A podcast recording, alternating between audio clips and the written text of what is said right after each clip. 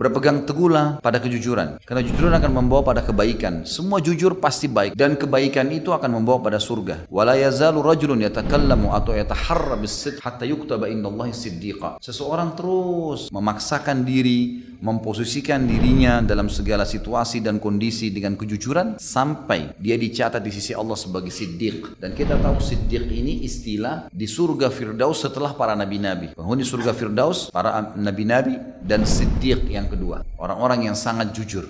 Dan hati-hati dengan dusta dan bohong. Karena kedustaan akan bawa pada kefajiran. Fajr ini keburukan akhlak dan perbuatan fujur itu akan membawa seseorang pada api neraka. Seseorang terus saja dusta sampai Allah akan mencatat di sisinya sebagai kadzdzaba. Maksudnya dia nanti akhirnya kena dusta menjadi sebuah kebiasaan. Allah akan buat dia pendusta seumur hidupnya.